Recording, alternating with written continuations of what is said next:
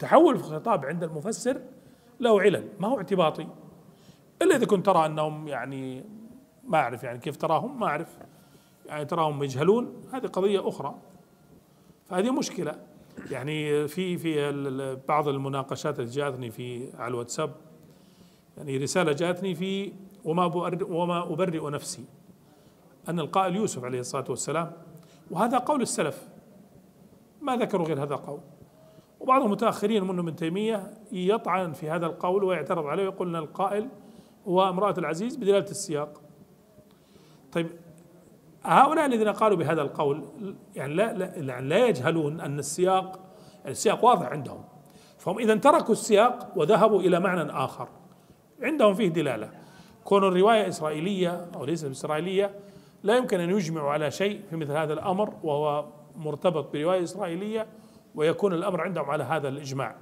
يعني يكاد يكون إجماع منهم أن القائل هو يوسف عليه الصلاة والسلام. إذا أنا سأنظر بهذه الطريقة أيضا سأقول إن ما فعله الزمخشري في قوله لعمرك صوابا لأن الزمخشري قوله بأن المقسم به حياة لوط عليه السلام هذا ألصق بالسياق من قول من قال محمد صلى الله عليه وسلم. ولا هناك أي دليل عندنا إلا إجماع الحجة. لولا إجماع الحجة لو كان في اختلاف لقلنا ابدا. واضح السياق أنه في لوط عليه الصلاة والسلام.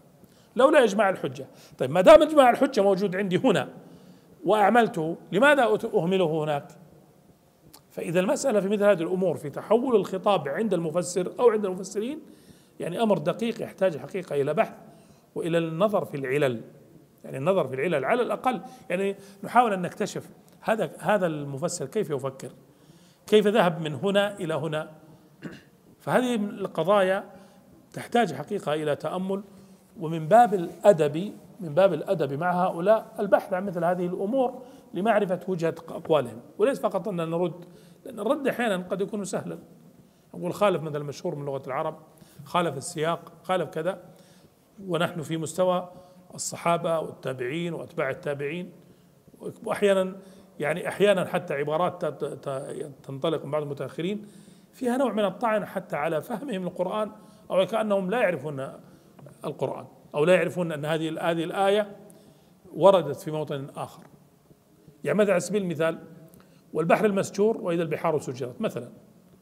بعض المفسرين يفسر البحر المسجور يعني يرجح ما في معنى البحر المسجور غير ما يرجحه فيه وإذا البحار سجرت. لأنه يرى أنه البحر مسجور الآن وإذا البحار سجرت في آخر الزمان فيأتي واحد ما ودي أصفه يعني بوصف الطبري ما ينتبه ما يعرف ما ينفهم ما ينتبه. ولا يعرف يقولون أن المفسر اختلف إيش؟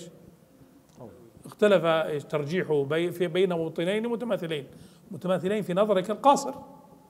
أما في نظره لا هو يقول لك هذه بحر مسجور الآن. هذا بحر مسجور يعني يعني إيش؟ محبوس. لكنه الآن محبوس. إذا هذا في المستقبل ماذا يحصل؟ للمحبوس هذا يحصل كيد كيد كيد كيد. فهم الآية كذا وكذا. مختلف جدا. أما أن تريد أن المسجور يساوي دلالة مطابقة تماما وإذا البحار سجرت فتقع إيش الإشكالية. وغيرها كثير يعني من الأمثلة أو قل بعض الأمثلة ترد مثل هذا.